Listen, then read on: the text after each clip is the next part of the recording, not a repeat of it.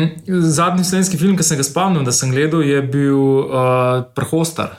A res? Ja, ja. Da si pa to gledal. Uh, po mojem, da že kaj ven pršel, pa pa sem ga še ne dvakrat. Jaz moram reči, da čeprav je full razdvaja slovensko publiko ta film, je meni full všeč in sem velik fan uh, tega filma. Sem se tudi uh, zelo dobro na, nasmejal. To je, a veš, da je to prvi film v Sloveniji, ki je prebil mejo uh, zaslužka en milijon. Ne, Ja. ne, nisem videl. Vem, da so postavili rekorde gledanosti. Ja, sem- rekord gledanosti, rekord zaslužka. Meni, kar mi je predvsem zanimivo, je v bistvu, kako so se lotili promocije. To so fanti, ki ful v bistvu dobro štekajo te socialne omrežja in potem so v bistvu to, to neko bazo, ki so jo zgradili na YouTubu, na Instagramu, na Facebooku in tako naprej, ful dobro uh, monetizirali. A veš, kaj vedno je ta problem tega, da pač Slovenija ni dost velik market, da bi lahko ti služil prav za YouTube oglasi oziroma ni to na isti način, ne, zaradi tega, ker ne prebiješ teh parih milijonov. Oni so pa v bistvu najdel nek način, kako narediti nek produkt, ki so ga potem v bistvu tržali. In oni so prav hodili, a veš, imeli tako turnejo v bistvu po Sloveniji, hodili od kina do kina. Tam nekako bili kot neka dodatna motivacija, da so ljudje šli gledati ta film, uh, in to se jim je tudi ful dobro obrestvalno. Bring, bring to front. Bring, to front.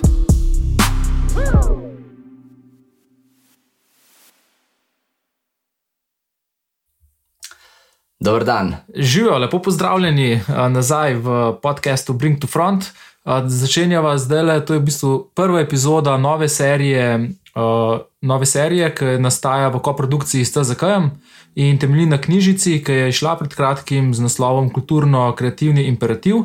Izdal jo je Center za kreativnost, uredila jo je Barbara Predan in se ukvarja z analizo kulturnega in kreativnega sektorja, ki so jo pripravili na Inštitutu za ekonomska raziskovanja. Ja, več epizod bo pokrivalo v bistvu različne panoge sektorja, da pa pravimo bolj razumeti te statistične podatke, ki so predstavljene v analizi. Bomo pogovorili z različnimi ustvarjalci iz scene, povabilo veliko frendov. In del tega bo vada tudi oblikovalska perspektiva, zaradi tega, ker je to pač najboljši podcast o oblikovanju. Uh, epizode bo, bojo pa izhajale približno enkrat na mesec, in prva današnja je, Denis. Video in film. Knjižica ima v bistvu več nekih namenov. Prva je predstaviti ta sektor nekim odločevalcem, se pravi, da predstavijo, da kultura ni samo ta neka uh, dobrodelnost, ne, da kultura je v resnici resna neka panoga, ki ima vse parametre kot ostali, se pravi, če v njo veliko investiraš, lahko tudi veliko nazaj prenese. Ne. Meni je fulje hud ta nek kot sem ga slišal, ne vem, če je čisto resen, ampak vsak evro investiran v kulturo se ti pač povrne dvakrat. Drug del je pa v bistvu to, da tudi sami, uh, samim področjem teh kulturno-kreativnih panog predstavijo, kje obstajajo največje priložnosti in kje so tudi neke, se pravi, neka področja, ki so mogoče. Ki zaostajajo v razvoju, Ja, ja. da bi mogoče dobro vlagati v njih. Ena stvar, ki je meni fully zanimiva, ne pač Hostar je edini film, ki je v Sloveniji zaslužil več kot milijon evrov. Se pravi, da je zaslužil več kot milijon evrov, je imel nekih 240 tisoč obiskovalcev. In poprečen proračun slovenskega filma je pa nekih 600 jurjev. Se pravi, če ti 600 jurjev zdeliš z neko poprečno ceno kino vstopnice, ki je 6 evrov približno v Kolosaju, To pomeni, da bi mogli okoli 100 tisoč ljudi obiskati film, zato da bi se film povrnil v finančnem smislu. No, pet filmov v vsej zgodovini slovenskega filma so imeli čez 100 tisoč obiskovalcev. A vidiš, kje je, kje je ta diskrepanca? To, da v bistvu sploh ne, ne, ne moreš niti teoretično pričakovati, da je v bistvu slovenski film dobičkonosen. Zaradi tega, ker gre za tako velike projekte, uh, gre v bistvu za investicijo države. Ne. Ali ti ostane delati samo neke te ful popularne filme, pop filme, ki bi se mogoče lahko povrnili? Uh, če pa hočeš čim neke, te neke bolj artiš projekte snemati, pa ni šans, da si povrneš. Ja, mislim, ne, ne moreš si sploh povrniti, ker tudi da veš veliko filmov, veliko filmskih projektov je bilo narejenih s tem namenom, da bi bili to popularni filmi. Pa samo tem petim je uspel. Pa te peti so imeli velikrat, ali je bila neka tema, ki je lih takrat bila popularna, ali je bil recimo hoster, ki so imeli že celotno infrastrukturo zgrajeno in tako naprej. ne mogoče je v bistvu narediti film, ki bi rekel, kot recimo v Ameriki, ki imaš ti par unih parametrov, pokriješ par nekih teh določenih ciljnih skupin. No, ampak ja, na koncu, ne, recimo za primerjavo, poprečen nemški celovečerc stane to, kot cel slovenski letni proračun za film.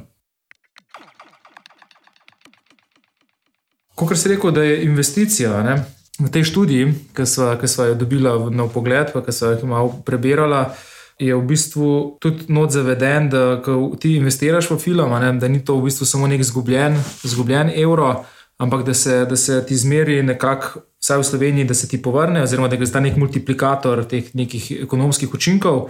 Eh, in ta količnik v Sloveniji naj bi, naj bi bil približno 1,8, neke te ocene. Eh, to pomeni, da recimo na vsakih 100 ljudi neposredno zaposlenih v filmu eh, je posredno zaposlenih še, še 80 ljudi. Kar je pač tako, v bistvu, kar, kar, kar dober roj, bi rekel, stavničari. ja, ja mislim, da celoten kulturni sektor v Sloveniji, da se fulne zavedamo, koliko ima močen ta multiplikatorski učinek, se pravi, koliko služb obstaja, še zaradi tega, ker so kot neke podporne službe ali pa uh, sodelovalne službe z kulturnimi poklici. Šok je v Hollywoodu multiplikator. Koliko? 3,4. Yeah. Ja. Vsi živijo od Hollywooda, pač v Kaliforniji tudi v različnih državah to drugačno opredeljujejo. Ne? Uh, recimo tukaj v tej knjižci je opredeljen, da je v kreativnem sektorju v Sloveniji zaposlenih 4,7% ljudi, kar je nekih 51 uh, tisoč posameznikov. Je, ta, ta v bistvu številka je pa sestavljena tako, da je znotraj tega imaš ti specialiste, to je nekih 12 tisoč neki ljudi, potem imaš, se pravi, recimo, primer, nek arhitekt, potem imaš podporne uh, poklice, ki so v bistvu, recimo, mislim, da jih je nekaj 16 tisoč, se pravi, to je nekdo, ki je zaposlen v arhitekturnem studiu, ampak ni arhitekt. Potem imaš pa ti še 22 tisoč ljudi, ki pa v bistvu, ne vem, nekdo, ki ni zdaj v tem kulturnem sektorju, ampak uh, je odvisen od njega, se pravi, recimo, v arhitekturi bi bil to nek statik kako zdaj ti računaš te zadeve, je zelo vpliva na to, kakšno to številko na koncu dobiš. Mm.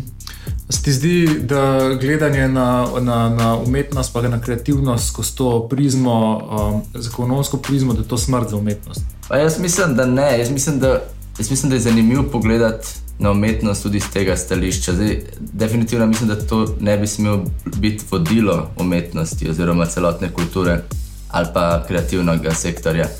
Ampak da zanimiv se je pa v bistvu sploh, kadar se pogovarjaš z ljudmi, ki so izven tega sektorja, se pravi razno razni odločevalci na ministrstvih, v podjetjih, v nekih državnih inštitucijah, da imaš neke argumente, ti kot predstavnik tega sektorja, s katerimi lahko eh, zagovarjaš investicije, ki bi se mogle zgoditi. Ker predtem se potem te debate zreducirajo na to, kako da je to gre vedno za neko miloščino ali pa za neke donacije v, v te sektorje. Medtem, ker zdaj lahko vidimo, kako na kakšen način ta stvar v resnici lahko pripomore k določenim področjem. Recimo, ne vem, film ima ful močen potencial turistično dvigant neka mogoče malce bolj netok uh, popularna področja Slovenije, a ne recimo, kar je vem, prek morja uh, posavje in tako naprej. Uh, ja, ali zdaj razmišljam, kaj si govoril, mm, da iz stališča mogoče nekega umetnika ali kreativca ki se bori za neko državno financiranje, da mogoče ni dovolj, da samo predstavi svoje delo skozi, skozi to, kako bo, da pač tudi on uh, generira nek, nek BDP.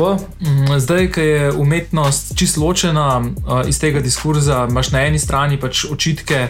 Da se dela neka bedna, nezadostna kultura, ki ljudem ni všeč, ki pač ne marajo konzumirati. Ne?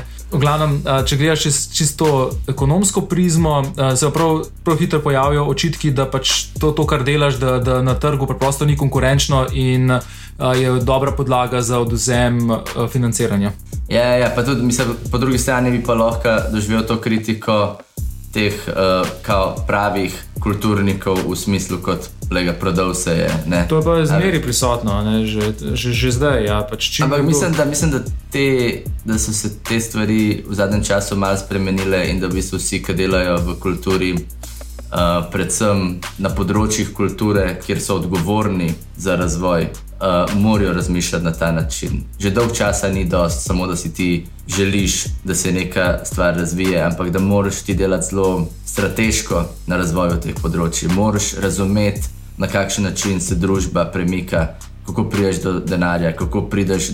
Kako se pogovarjati z ljudmi, ki so ne, ne, na eni strani ustvarjalci, na drugi strani odločevalci, na tretji strani uh, podjetja, ki lahko spet neki pripomorejo k celi, celotni tej zadevi. Zdaj, da ne bomo imeli tle filozofirala preveč, smo poklicala. Uh, preveč številk povedala. Smo poklicala Daniela Hočevarja. Uh, Daniel je producent, ki ima za sabo več kot 50 filmov, med njimi so rezervni deli, gremo mi po svoje, kruh in mleko, socializacija Bika, recimo prvi risan film slovenski. Je tudi predsednik Društva filmskih producentov in ima za sabo nek bogat nabor nagrad in najvišjih priznanj. In filmi so bili predvajani od Berlinala do Benetka, da bo zihar vedel veliko o tem. Z prvim vprašanjem, ki bi začel, uh, da ne v kakšnem položaju je trenutno slovenski film v primerjavi s takrat, ko si ti začenjal kariero? Ja, takrat v bistvu bi težko govorili o kakšni uh, filmski ali pravi industriji, ne?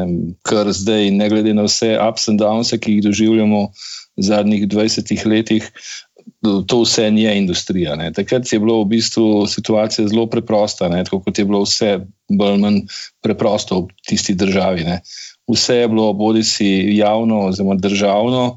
In vsak privatnik, ne, in na področju filma smo mi bili eni prvih privatnikov v Sloveniji, je bil v bistvu napaka v sistemu. Tako da Takrat uh, je bila stvar zelo enostavna. Ne. Država je dala denar za snemanje filmov, Viva filmu, in oni so na vsako, le, vsako leto posneli pet celovečernih, pa ne vem koliko kratkih filmov. Zdaj je situacija seveda bistveno drugačna, industrija je diverzificirana, snemajo se filmi, snemajo se TV serije, snemajo se oglasi, videospoti.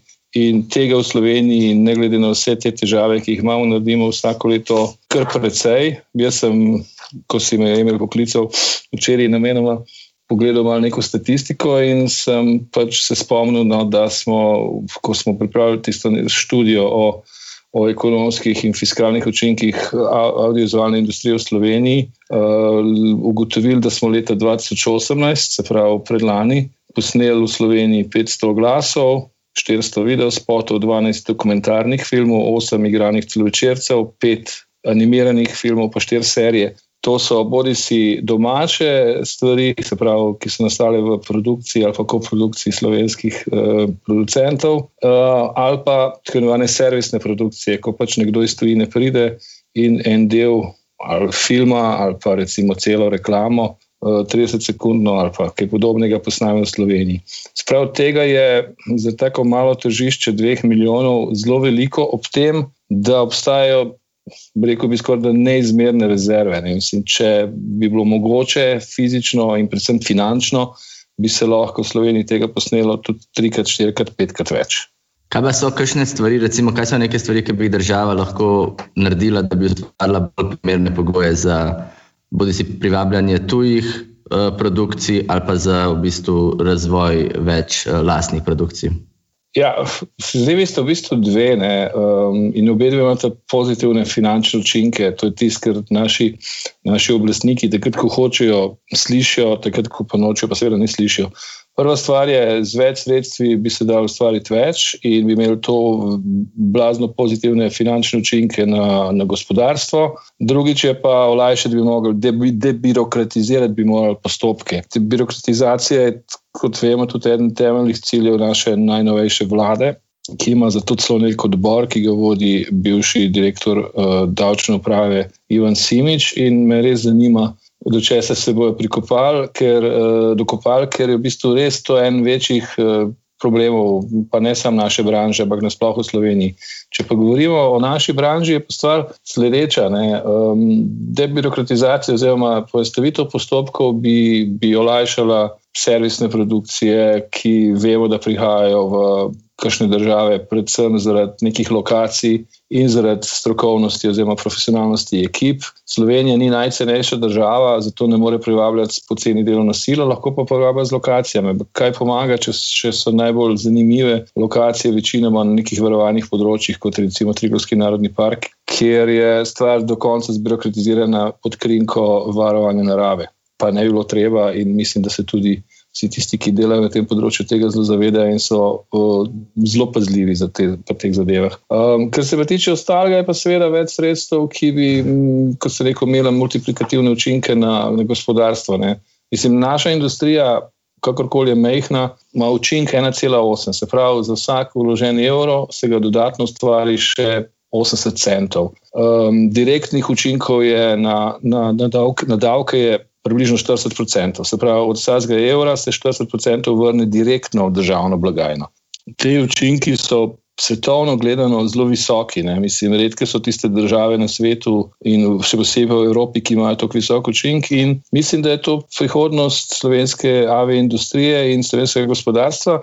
Ravno zato, ker pač uh, se zadnjih letih, še posebej pa recimo v zadnjih nekaj mesecih, ko smo šli skozi to korona, uh, ta korona lockdown, izkazali, da ljudje pač te vsebine rabijo, da ljudje te vsebine gledajo in so jim non-stop uh, in so veseli, če so jim non-stop dostopne. In ne razumem, zakaj ne bi tudi pri nas imeli imel možnost ustvariti en pomemben del tega. Tega kolača. Kaj sem jaz hotel vprašati? V bistvu na, na prvo stvar bi se še mal navezal in sicer, ki si govoril o teh nekih, recimo, birokratskih omejitvah. Ja. Um, nek primer, ki je tudi izpostavljen tukaj večkrat, je recimo Hrvaška z uh, velikimi produkcijami, kot so Game of Thrones, Mama Mia. Kako recimo na kakšen način oni pristopajo temu in kje, na kakšen način oni um, zaobidejo oziroma omogočijo takim velikim produkcijam, da lahko delajo v njihovih državah.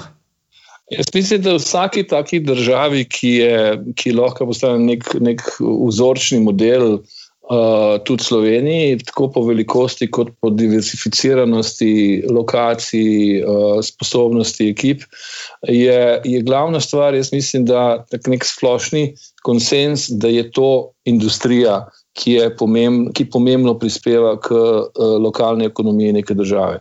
Na Hrvaškem so to pred leti, mislim, da je to že, že deset let tega uspeli narediti tako na političnem uh, nivoju, nisem tako na državnem, kot na lokalnem političnem nivoju. Oni so se odločili, da je to industrija, ki jo Hrvaška potrebuje. Tako kot potrebuje turizem, kot potrebuje še marsikatero drugo panogo. Medtem ko pri nas tega, tega uh, skupnega uh, soglasja nekako še ni. Pri nas se žal film in AV, um, tako kot konec koncev tudi vse ostale kreativne industrije, predvsem razume kot trošenje državne malhe. Ne glede na to, da mi z istimi številkami, kot recimo kolegi iz Hrvaške ali pa iz katere koli druge države, dokazujemo, da temu ni tako, da mi predvsem prispevamo to državno malho in da se državi zaradi vlastnih davkov splača nam dati bistveno več denarja, bi se jim splačalo dati bistveno več denarja, ker bi bistveno več denarja potem to malho vrnili. In poleg tega to ni samo denar, to je tudi število ljudi, ki so zaposleni neposredno in posredno tej industriji. In spet tudi tukaj je ta a, filmska in nova industrija zelo, zelo dober, kako bi rekel, zaposlovalec. To veliko ljudi zaposli iz raznih panov, kot vem, eh, hotel, hotelov, transporta, raznih storitev, najemov, um, proizvodnje, vem, oblačil, cateringa in vseh drugih poslovnih storitev. Prav, zelo veliko ljudi od tega živi in spet te ljudje plačujejo davke v to isto malho. In zato Zato je pač ta stvar uh, tako uspešna povsod, uh, in zato bi jaz tudi pričakoval, da na mesto nekih emocij o tem, koliko mi v prazno mečemo državni denar za te neuspešne slovenske filmarje, se dajmo raje pogovarjati s številkami in o številkah in ugotoviti, kaj ta industrija lahko tej državi prinese. In to so na Hrvaškem uspešno naredili, se tega zavedajo, imajo ravno tako nacionalne parke, ravno tako strogo pravila, ampak snemajo not, kot si rekel, od Vojne zvest do Game of Thrones, do številnih drugih neznanih filmov in serij. Succession so delali, by the way, med drugim tudi tam ne, na Hrvaškem. In tako naprej. Gledam, to, so, to so stvari, ki pač prinašajo potem posredno in neposredno denar. Uh, konc koncev prinašajo denar tudi skozi turizem, skozi filmski turizem, ki se potem v teh državah uspešno ali pa bolj ali pa manj uspešno razvija.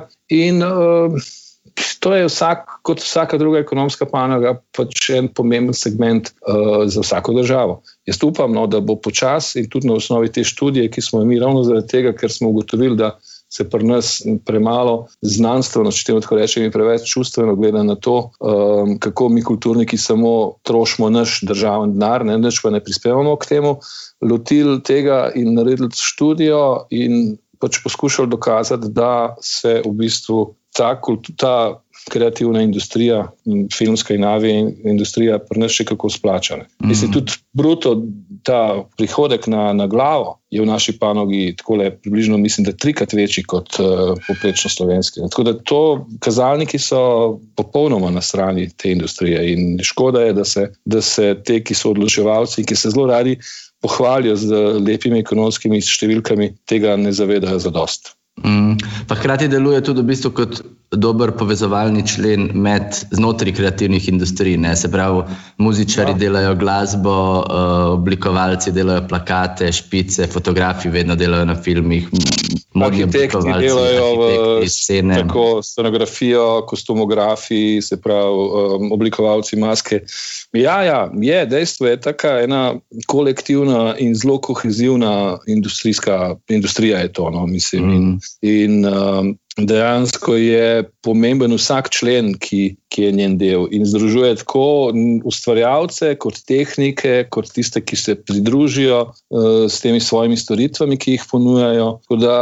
Je, mislim, vsak film je, ali pa nadaljevanka, ali pa nek avij projekt, nasplošno je en tak velik projekt z več deset ali pa več sto sodelavci, ki ga je zelo, zelo naporno, pa po drugi strani spet zelo prijetno koordinirati in, in, in ustvarjati. Mm. Uh, jaz sem eno vprašanje, kako pa je recimo slovenska ta filmska infrastruktura razvita uh, v primerjavi s kakšnimi drugimi okoliškimi državami, pa tudi mogoče kako je kader uh, razvit? Uh, ja, v bistvu m, je. Razvita znotraj tega segmenta uh, uporabnosti, ali pa kako bi te rekel, ni, ni tako kvantitativna, Eh, kvalitativna je, ni pa tako kvantitativna, zato ker pač ni toliko dela. Če bi dela bilo več, bi je seveda bilo več tudi pri nas.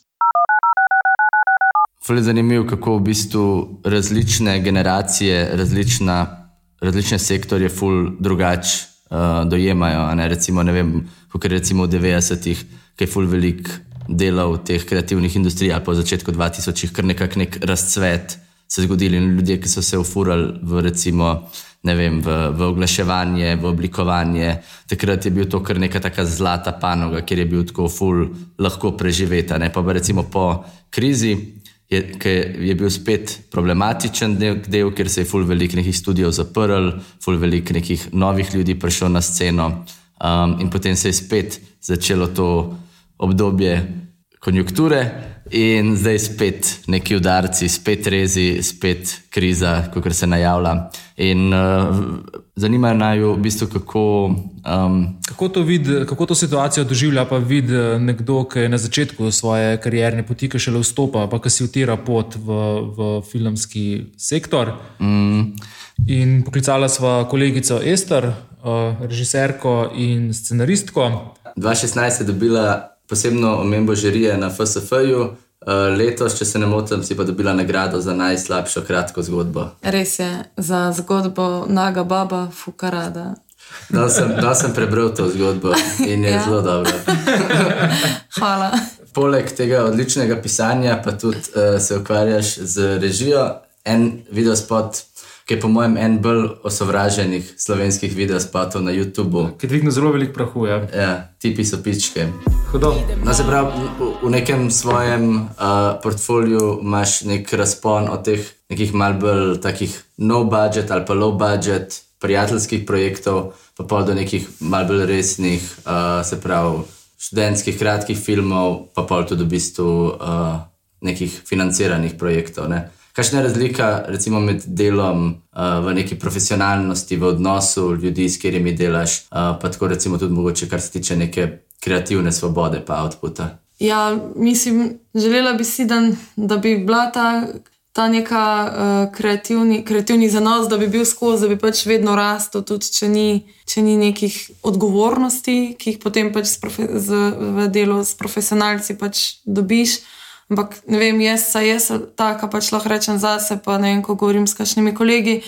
Je velikokrat tako, da takoj, ko vidiš ti, da je, ne vem, čutim večjo odgovornost, če ni neka taka prijateljska stvar in kar tudi vi, zato ker je full denarja zraven. Ne? In takoj, ko pač veš, o ne, pač to je, to je pač zdaj nek denar odštet za ta le dan, pač jaz moram biti full dobra, sem mogoče včasih pol full slaba, ker si full enega pritiska povzročam in sem, ne vem, to, to bi rada še zbalansirala si v življenju. No. Na kakšnih projektih delaš kaj trenutno? trenutno razvijamo, oziroma zaključujemo scenarij za celovečerni projekt uh, skupaj z uh, Društvom Temporama in so scenaristko Niko Jurman, piše v ta scenarij, ki je narejen po adapta pač adaptaciji kratkih zgodb Suzane Tratnik, um, Tinine knjige Noben glas.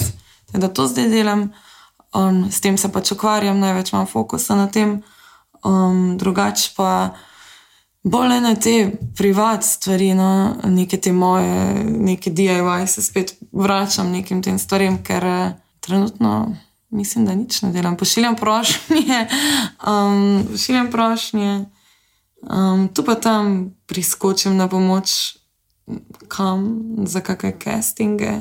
Um, Kaj pa so te DIY projekti? Ja, to zgleda malo tako, da si jaz, eh, da si jaz napišem zvezek, v letos bi rada posnela nek atmosferičen film in pa si pač sem ful intuitivno pišem neke scene, ki bi jih rada posnela. No. Neka ta, no, kot da se vračam spet nazaj k nekem temu brez denarja, ampak ne vem, čim bolj iskreno, če se le da. Zdaj, poleti sem imela par srečanj s kolegi iz filmske, filmskega sveta in smo se kar mal grenko gledali. No, tako je bilo, pač ne vem, kaj bomo zdaj, ne vem, pač noben, noben pač ne ve za res. Ne. Um, neka taka grenkoba je prisotna, pa ne vem, ljudje si. Ljudje pač iščejo marsikaj za delati. No, jaz sem tudi zdaj marsikam poslala prošnje za delo. Mislim, da ni tako nobena skrivnost, da, da je karijera v, v filmski industriji v Sloveniji kar, kar zajemana in da v bistvu ne, tudi te kazalniki ekonomski pa to kažejo, da se sicer razvija in da so pač investicije, ki grejo v to smer, ampak v bistvu en velik del, ki je v teh raziskavah mogoče tudi zanemarjen, je to, koliko ljudem recimo ne rata. Ne, zato, pač, če imaš ti na leto sproduciranih toliko pa toliko filmov, imaš ti na drugi strani ful velik enih zavrnjenih projektov, ne se pravi nekih. Pa me zanima, recimo, zakaj misliš, da se mladi še zmeri odločajo za to kariero, pa da še zmeri ustrajajo v filmu, čeprav je ful težko v tem, da res od tega živeti.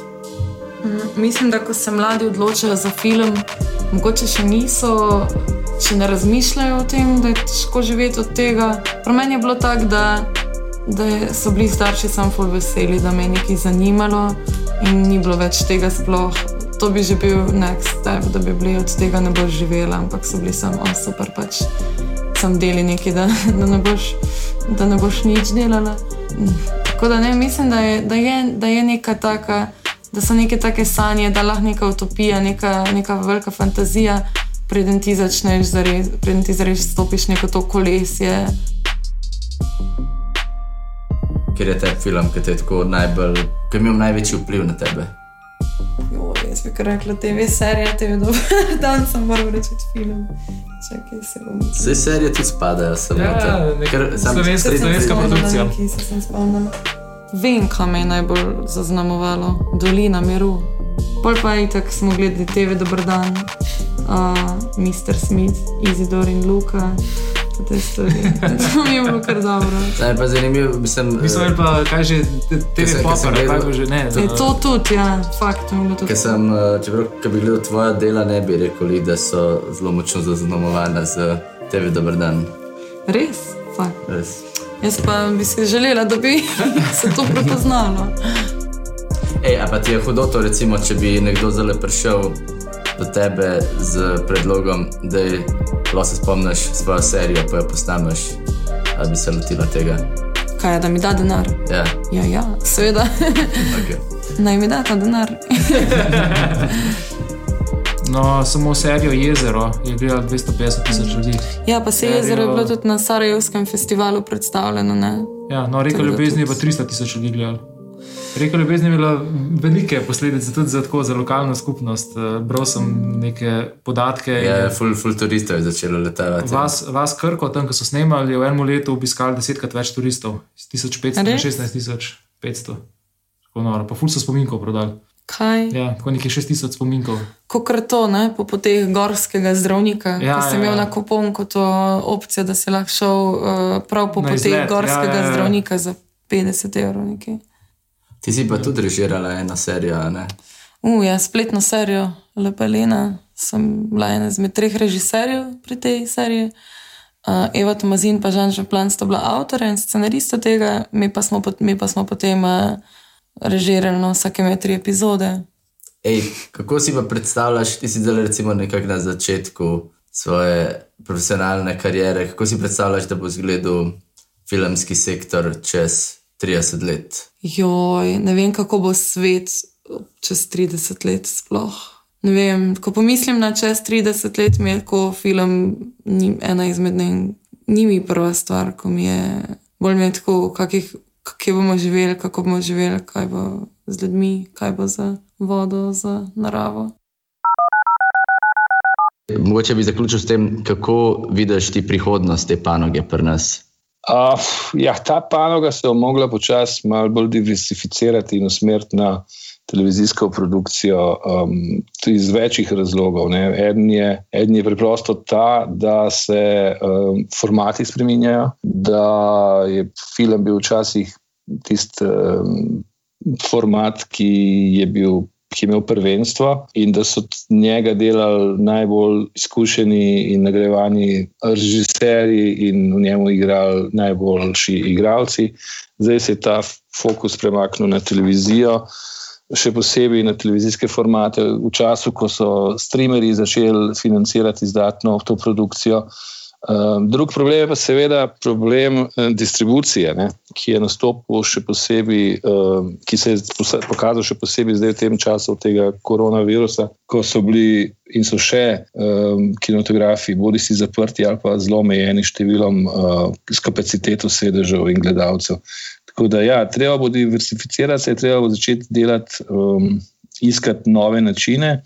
Jaz mislim, da kreativnost ni vprašanje, vprašanje je sposobnost premika mentalnega in, in, in organizacijskega, in seveda tudi finančnega, tako na strani um, financerjev v smislu filmskega centra, kot tudi financerjev v smislu televizijskih postaj, javne in, in privatnih v Sloveniji, ki se morajo odločiti, ali bodo to začele resno financirati in, in, in, in podpirati ali ne. Uh, rezultati, tisti občasni, ki se pojavljajo na tem področju, se pravi, tako, tako dnevne nadaljevanke, kot so recimo reka ljubezni ali pa kakšne druge um, na eni strani, kot ene resne miniserije tipa Jezero, kažejo, da smo v Sloveniji sposobni. Kreativno, kreativno sposobni ustvariti nekaj tasga, moramo pa najti še finančne, finančne mehanizme, ki bodo temu sledili. Filmi pač bojo um, morali najti, se bojo še vedno, seveda snemali, bojo pa morali najti nek nov, nov distribucijski uh, kanal. Verjetno kinematografi ne bodo za vse vrste filmov več prvenstveno zanimivo distribucijski kanal, ampak bodo um, za nekatere bolj, nekateri bojo pa uporabljali samo za dodatek k nekemu obliku streamanja ali pa predvajanja preko VOD portalov in, um, in tako naprej. Tako da to so vse stvari, ki se bodo morale v naslednjih letih in desetletju še izoblikovati. Smo pa seveda v nekem zelo živahnem um, obdobju, ko stvari niso jasne in ko se lahko kaj zanimivega razvije. Mislim, da je ta čas korone to zaprtost pokazala, da potreba in želja po gledanju slovenskih vsebin definitivno obstaja in da je tu še posebej javna televizija odigrala eno zelo pozitivno vlogo s tem, ko je gledalcem omogočila ogled različnih vsebin. Um, Tako da mislim, da interes je, samo treba ga je zdaj znati izkoristiti in, in začeti proizvajati stvari, ki so ljudem, ki so ljudem zanimive. Kaj pa, kaj, kaj pa lahko naredijo ustvarjalci oziroma zaposleni v tej panogi, zato da ni treba vedno čakati samo teh na vrhu, da naredijo kakšen premik, oziroma lahko zaposleni naredijo kakšen pritisk, oziroma kakšno, kakšno, kakšne poteze, s katerimi mogoče te premike pospešijo. Uh, jaz mislim, da, da, da v bistvu treba bo narediti neke. neke um, Treba je nekaj izhodišča, no, najmanj to, in dokazati, da je ta industrija potrebna, potrebuje to, to spremembo. Tako kot se je naredila ta študija o teh uh, ekonomskih učinkih in gospodarskem pomenu AVE industrije v Sloveniji, bo treba tudi narediti uh, mogoče neko ne vem, predstavitev tega, kako je pomembno za, za slovenski kulturni uh, prostor to, da se pač začne sofinancirati drugačne televizijske vsebine. Um, že živimo v časih, v katerih se politika zelo neposredno uh, upleta v. v, v filmsko in nove industrijo in v ustvarjanje skozi eh, poskus nadzora nad javno televizijo in svojimi povsem zgrešenimi in predvsem staromodnimi uh, sistemi uh, ali pa predlogi, kako bi treba sistematizirati to področje skozi ta nek televizijski sklad, ki bi ga potem Ministrstvo za kulturo vodilo, z njim upravljalo in seveda financiralo izdatno uh, vsebine uh, njim ljubih medijev. Mislim, da je to povsem zgrešeno in da je to ne zgrešeno zaradi tega, ker bi pač neki določeni um, formati ali pa ljudje dobili denar, ampak to je zgrešeno zato, ker pač to se tako preprosto ne dela in to nihče ne počne in to je zastarelo razmišljanje. Uh, treba je pač omogočiti sodobno uh, financiran sistem produkcije audiovizualnih vsebin kot ga poznajo v vsaki normalni evropski svetovni državi. Se pravi, treba je pogledati okrog sebe, treba je videti, kdo in kaj proizvaja, in, in na tak način pristopiti tudi, tudi uh, pri nas. Evo, to je to, zdaj ste slišali. Kaj treba narediti? Upam, da posluša tole tudi kdo uh, na kakšnih odločevalskih položajih. Film je sektor, ki ima ful velikega potencijala. Uh, je pa v bistvu ena negativnih stvari, ne, to, da je ful vezana na neko politično uh, klimo. Kaj ti misliš, Denis? Kaj narediti? Um, ja, pač definitivno je zadeva, ki bi, bi si mogoče zaslužila veliko več pozornosti in strani uh, odločevalcev, in strani vem, ustvarjalcev, uh, da, bi, da bi se lahko. Uh, slovenski film Kosovo, pač tudi z, z ne, najboljšimi v, v regionu, a i šire. Um, Ker definitivno je, je full veliko enih, enih zanimivih stvari, ki se dogajajo, uh, in pač bi bilo škoda, da se te stvari ne bi realizirale, ali pa da se ne bi realizirale v svojem polnem potencialu.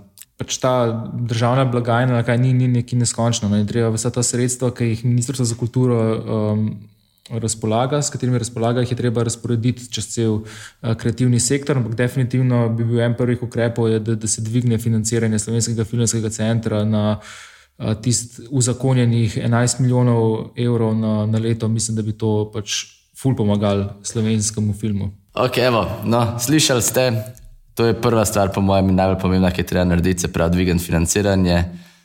S tem mi ja tudi zaključujemo tole epizodo. Naslednjič se slišimo z novim sektorjem, ki ga bomo obdelali, z novimi gosti, z novimi problemi in priložnostmi, ki jih uh, se pravi ta področja ponujajo. No, tale projekt nastaja v koprodukciji s platformo Center za kreativnost in Center za kreativnost pa financirata Evropska unija iz Evropskega sklada za regionalni razvoj in Republika Slovenija. Um, s tem pa se vidi poslavljava. Hvala še enkrat, kot vedno, Burazu Levanelu, hvala Tamari, ki pomaga pri vsemu, uh, hvala uh, Zali in Prostorožu, ki so nam prostor posodili. Uh, hvala vsem poslušalcem, ki nam dajete hud feedback, ki nam daje energijo, da delamo naprej. Posebna zahvala gre tudi uh, tokratnima gostoma, Ester in gospodu Počevarju. In to je to. Čau. Se slišimo.